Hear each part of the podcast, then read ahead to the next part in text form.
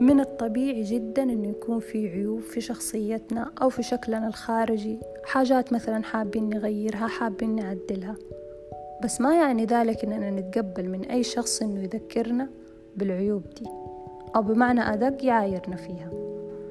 أنا كشخص عارف تماما إيش العيب اللي موجود فيا. ما أحتاج أبدا أحد يذكرني أو يضايقني. كل مرة بتكرار نفس الموضوع.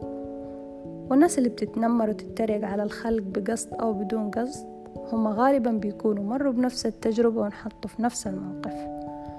وأتوقع إنهم ما بيصدقوا لما يحصلوا شخص فيه عيب عشان يجرحوه بكلامهم.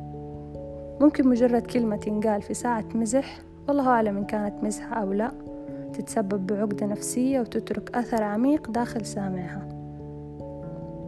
إحنا نقدر نتخطى العيوب اللي في شخصيتنا ونشتغل عليها لحد ما نغيرها. بس بالنسبة لأي شيء في شكلنا الخارجي أو ملامحنا المفروض ما نسمح لأي أحد إنه يبدي رأيه فيه. لأن الله خلقنا في أحسن صورة ولكل شخص فينا مميزاته والجمال الخاص فيه. يعني باختصار ما في أحد مو جميل. وأي إنسان ما يقدر يتصالح مع عيوبه ومع نفسه ويحاول يلفت نظر الناس لعيوب الآخرين عشان يغضوا الطرف عنه هذا إنسان يشكل نقطة سلبية ولازم يتم تجاهله. لأننا في غنى عن وجود أمثاله في محيطنا.